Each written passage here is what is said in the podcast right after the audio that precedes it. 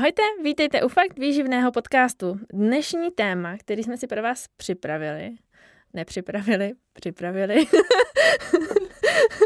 bude o, o přirozených lesních požárech, protože já jsem strávila léto v Kanadě a právě uh, jeden známý lítá na severu Kanady a hasí tady tyhle ty požáry s helikoptérou.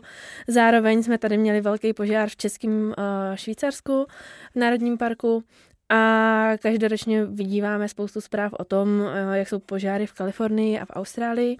Tak mě to hodně zajímalo a myslím si, že je to obecně zajímavý téma, o kterým by se mělo mluvit, i když to u nás zatím není tak úplně častý. Takže to pro dnešní podcast.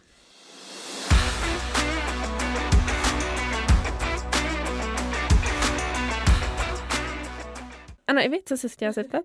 A chcela sa zaspýtať iba to, že si načrtla trošku České Švýcarsko, tak tam vieme, že to teda založil niekto tak trošku nevedomky tým, že asi neuhasil poriadne roz, rozrobený táborák si hovorila, že treba vo svete sú takisto tie požiare, nielen u nás, tak tam je to tiež väčšinou spôsobené tým, že to niekto nechtiať založí, alebo je to tam prirodzene nejakým prostě teplami a podobně? No, jak kdy. Ono to strašně záleží na tom, Samozřejmě, že se stává, že i to může způsobit lidský faktor, ale právě, že v těch teplejších oblastech je to založené jak kdyby přirozeně když se ještě vrátím právě jak kdyby uh, k naší České republice, tak i u nás máme takový malý požáry, který uh, se v přírodě vyskytují přirozeně, ale ne, nejsou tak častý a kolikrát prostě o tom nemáme ani v médiích žádné zmínky nebo něco takového, protože to nespůsobí žádný rozsáhlý území,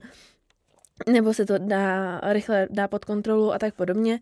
Uh, nemluvím teda o, řízeným, o řízených požárech, které jsou u nás v České republice zakázaný zákonem o lesnictví a o, o klimatu, takže i u nás se to vyskytuje, ale třeba v ty teplejší oblasti Evropy, jako je středozemí a víc jižně, tak tam ty přirozené požáry jsou častý a naprosto normálním jevem. A potom, co se týče toho zahraničí, tak každoročně se vyskytují požáry, hlavně zejména v Kalifornii a v Austrálii, kde to je způsobeno vysokýma teplotama. Keď si hovorila, že tu je to zakázané vlastně zákonom vypalovat cíleně, tak proč si myslíš, že to tak je? Dívej, je to daný legislativou a je to daný tím, že to navazuje vlastně na zákon o ochraně prostě klimatu a tím, že máš nějaký vypalování, tak ti do ovzduší uniká smog, který právě zvyšuje možnosti toho globálního oteplování, od škodlivé látky do ovzduší a tak podobně.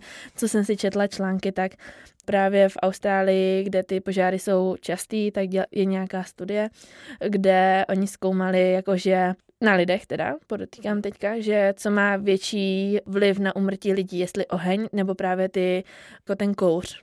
Uh-huh. A přišli na to, že ten kouř právě uh, má daleko větší vliv na a větší škodlivost na zdraví lidí. Kromě toho, že tam vznikají nějaký umrtí uh, během požáru, tak potom nadýchání tě, toho kouře způsobuje zdravotní problémy, je to větší zatížení na zdravotnictví a lidi mají potom dlouhodobý následky, nehledě na to, že si to sebou může níst i nějaký karcinogenní následky potom do budoucna. OK. Takže typicky třeba ten zdravotný stav může trpět chronicky potom v těch oblastech, kde jo. ty požiare jsou časté alebo pravidelné. Jo, jo. A může tam být vyšší výskyt nějakých prostě rakovin plic a podobně, protože prostě okay. zakouřený ovzduší má potom větší větší vliv právě na škodlivost pro ty lidi. Samozřejmě oheň je špatný a tam dochází jako k okamžitým výsledkům, jo, ale ty kouřový jsou, můžou být chronický, můžou být dlouhodobý takže... Jasně. A on sa ty efekty sčítají, není to jen jo. o kouři, ale o dalších prostě negativních troš vlivoch. Jo, jo, přesně tak. Právě co jsem četla článek vyloženě o pana Davida Bowmana, který je kdyby, oni to nazývají fire, uh, fire ecologist and uh, geographer, co znamená, že on se zabývá právě těma požárama a zjišťuje ty škody na té přírodě a zároveň je geografem ale zároveň se snaží mít styky s těma lidma ze všech sfér, správní, ze sociální, takže on má takhle jak kdyby velký, jak kdyby rozsah a on působí jako vedoucí na univerzitě University of Tasmania v Hobartu, což je v Austrálii a je vedoucím nějakého fire centra, kdy oni právě zkoumají, proč ty požáry vznikají, jaký škody to způsobuje, jak se o to můžeme bránit do budoucna. Tak právě tady ten David Bowman, on se nazývá, že pyrograf. Ta věda se jmenuje pyrogeografie a je to právě jak kdyby myšlení o krajině, lidech a ohni, kde to zahrnuje tu požární vědu, ale taky humanitní vědy, právo, psychologii, epidemiolo- epidemiologii, meteorologii a zvládání katastrof. Takže to je jako vyloženě velmi obsáhlý téma. Oni jako říkají, že oheň je z části přírodní katastrofa, ale je z části způsobená a pozměněná člověkem. Takže právě tady ten pan Bowman se snaží nechat otevřený dveře k diskuzím o tom, co se děje, co se neděje, jak se tomu bránit, nejenom právě ze svého oboru, ale i z různých oborů, protože každý ten obor se dívá na ten problém trošičku jinak. Uh-huh. A oni, myslím si, že to bylo loni nebo dva roky zpátky, takže 2020-2021, je to právě nedávná doba, není to zas tak jako hodně zpátky, kdy v Austrálii jako hodně hořelo a byly ty rozsáhlé požáry. Já si myslím, že to bylo asi 2020, že to bylo Já před si myslím, covidem, že to bylo těsně nějak... před covidom, že ještě se lidé směli, že jo, že už nič horšie nemůže přijít prostě na svět a potom přišli právě opatrenia s covidom, že a ono tu Austrálii to postihlo hodně. Jo, tak on právě říkal, že tady ty požáry, které v té Austrálii byly, ono je to jako normální pro ně, oni to znají, ale tentokrát, že to bylo něco jiného, že měli nejvyšší teplotu mm-hmm. dosaženou, že tam měli teplotní rekord, kdy měli ve stínu nějakých 41,6 stupňů.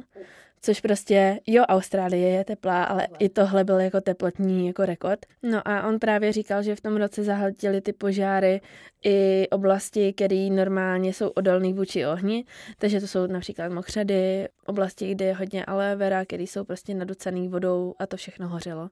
Mm-hmm. Takže jako byla to pro Austrálii jako velká katastrofa a takový velký vykřičník, kdy vlastně australská vláda nechtěla slyšet o tom, že je to způsobený změnou klimatu a nechtěli o tom vůbec diskutovat, vůbec jako tématy, jakože klima a něco takového jako ne. Že hasič, hasičtí velitelé z provincií se dali dohromady a sami hlásali tu osvětu o tom, že ano, uh, můžeme si za to i my sami, protože něco rozděláme, něco tohleto, ale tím, že se zvyšuje prostě uh, teplota průměrná, což vidíme na statistikách, tak právě riziko požáru je daleko větší.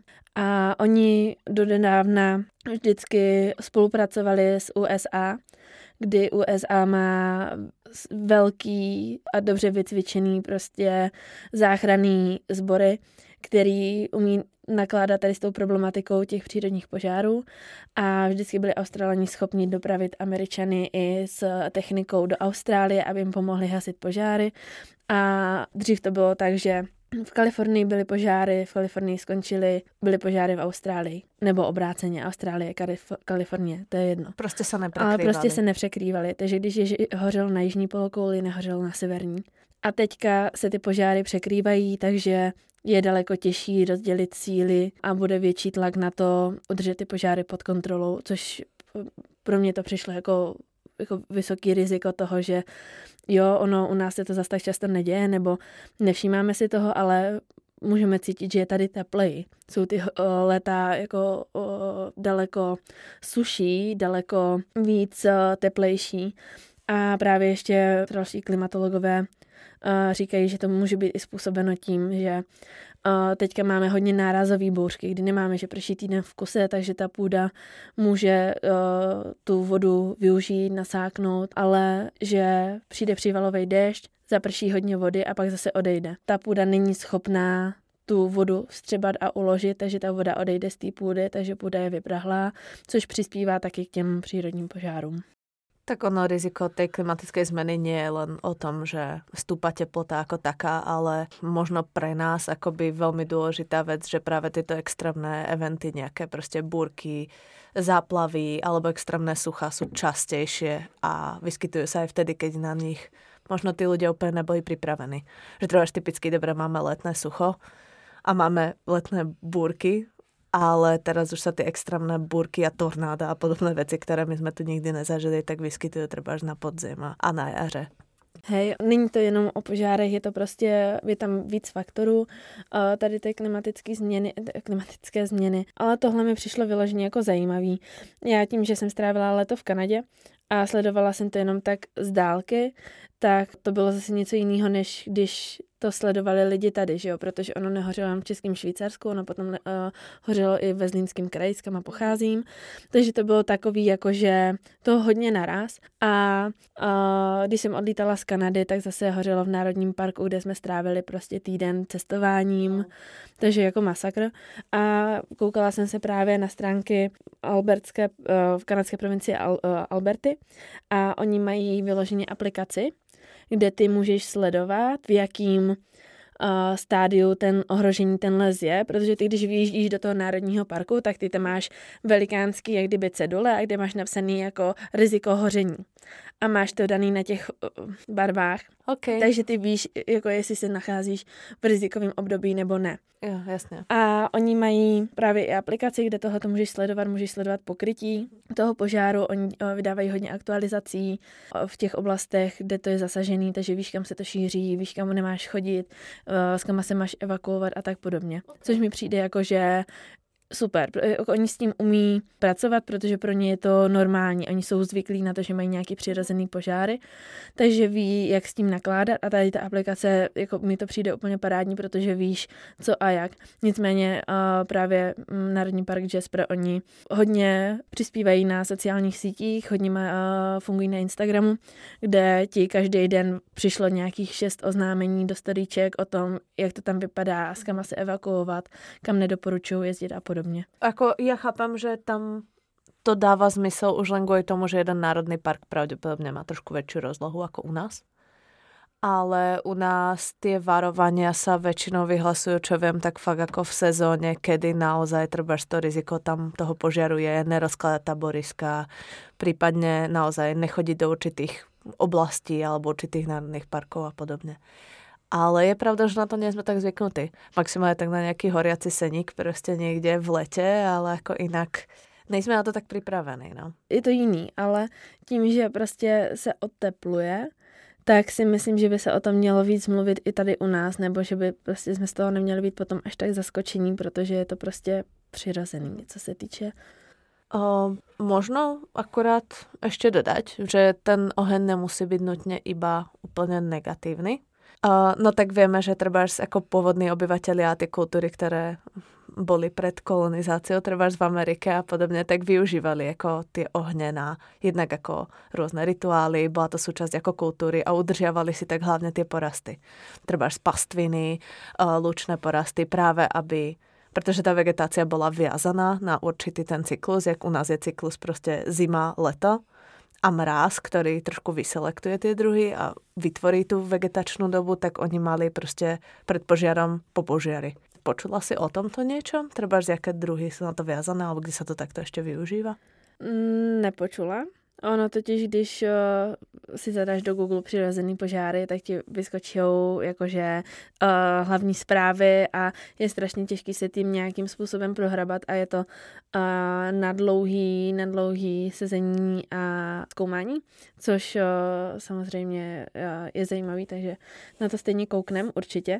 Vím o tom, že se tady tohle to dělalo a vím o tom, že v zahraničí je právě takový to jakože vypalování normální kdy oni, ale je to, o, o, vždycky to dělají v oblastech, kdy ví, že se to nerozšíří, kde je to kontrolovaný. A co jsem eh, četla právě třeba články o tom českém Švýcarsku, tak botanici říkají, že ten původní borový les, který tam je, tak je schopný se s tím požárem úplně přirozeně vypořádat, protože on má tlustou kůru, takže ten strom je jak kdyby chráněný, takže dokáže rychle potom jako obno, eh, obrazit a ty jejich semenáčky rychle vzchází takže se dokáže znovu ten les rychle kdyby zapojit. Tím, že ty smrkové kultury, které tam jsou tak, eh, a nejsou přirozený, ty jsou na obnovu potom horší, protože ty ten oheň, že ty ten oheň spálí a kromě toho, že jsou suchý, takže se to i líp jak kdyby šíří, což je zároveň působeno i kurovcovou kalamitou, že jo, která tady je už pár uh-huh. let. Uh-huh. Ja som sa pozerala čisto na, ako do Google, keď zadáte Indigenous Fires, čo sú vlastne tie akoby tradičné akoby zakladanie požiarov. Priamo US Forest Service, čo je vlastne správa mm, vlastne lesov v Spojených štátoch, tak má krátky článoček, ktorý toho až toľko nehovorí ale viem, že jeden iný podcast, a v angličtine, Ologies, má na to dedikovanú epizódu a tá je strašne fajn, takže možno by som ju hodila ako do linku do popisku epizódy pre tých, ktorých by to trošku viac zaujímalo. A tam práve hovorí priamo uh, pôvodná obyvateľka uh, Ameriky o tom, ako sa zakladali, na čo to všetko slúžilo a podobne. Ale je to také fakt ako hravou formou uh, pre širokú verejnosť, takže možno keby to poslucháčov zaujímalo. Určitě, já si myslím, že to je zajímavý. Ono, když něco vysvětlují, tak ta angličtina není zase tak těžká, takže uh-huh. tomu jako budete normálně rozumět, nemusíte mít strach, že? Jo. To nejsou úplně... Nebudete, mít roz, roz, budete rozumět ani slovo navíc. Tak, angličtine je, to... je potřeba trénovat. je to vedecko-populárne, nie úplne trebárs. Nej to článok od Nature. Já tady mám teda ještě, že co patří mezi hlavní priority té ochrany proti požárům. Uh-huh. Na to se zaměřují. U nás, alebo v té Austrálii? V té Austrálii, protože u nás, my na to nejsme zase tak zvyknutý, jo, že o tom prostě až tolik neslyšíš. Neslyšíš jako ve večerních zprávách, že tam máš přirozený požár, který ti tady 200 hektarů a potom je to jako v pohodě. Mm. Ale oni mají vlastně priority, které se snaží naplnit, snaží se na to eh, sehnat finance a mít na to nějaký projekty. A jsou to například, například věci jako vypořádat se s dopady kouře na lidský zdraví nebo porozumět závažnosti požáru a ekologickým škodám a pochopit, proč se ta intenzita těch požáru zvyšuje a proč se ta intenzita požáru mezi jednotlivými regionama uh, lišila. Jo, a, co, co, a jak to souvisí právě třeba s počasím. No, jak si právě vzpomínala toho pana Davida Bowmana, myslím, mm-hmm. profesora, tak práve ako čo som sa pozerala, tak on vyslovene rieši tú úroveň ekosystémov, takže to není len o tom, že práve príroda, požiar, týka sa to živočichov a rastlín a podobne, ale presne tú sociálnu nejakým spôsobom rovinu, takže tých ľudí, aké sú škody ekonomické, ale aké sú škody potom na zdraví a podobne. A to si myslím, že teraz ako nielen vo vedeckom svete, ale aj trebárs v rôznych ekonomických disciplínach sa hodne hrá na to, že potrebujeme sa na to pozrieť trošku širšie a tie ekosystémy sú prostě ekosystémy, no. Nejsou len o jednej, o dvoch zložkách. Jo, jo, on právě mě se na tom strašně líbilo a proto mě to tak hodně zaujalo a hodně o tom mluvím, protože já jsem se do toho fakt jako začetla. Tak bylo to, že on se na to dívá jako, že ze širokého komplexu, že to není jenom botanik, který se dívá na to, že je to super požár, který mi tady obnoví semenou banku a zase mi vyrašijou prostě semenáčky a rostlinky, které uh, tady nebyly, uvidíme nový druhy. Uh, není to zase člověk přes zvířátka, který uh, Ježíš Maria Koály tady nemají kde být prostě chudiny. Není to člověk, který se zabývá zase jenom mm, lidma, Ježíš Maria, zhořela nám chata, nemám kde bydlet. Je to prostě člověk, který se na to dívá komplexně a zhodnocuje úplně všechno. Mhm. Což je jako fajn, protože má ty vztahy mezi tím. Já si myslím, že možno na dnešok to aj zabalíme. Áno, pretože krátký rozjezd do nového semestru. Áno, hneď po epizódke s Marketou, ktorá bola dlhšia, ale zase tam sa to nedá úplne poňať asi behom 15 minút. Takže sa na vás budeme tešiť na budúcem. Ďakujeme vám za pozornosť a ahoj. Ahoj.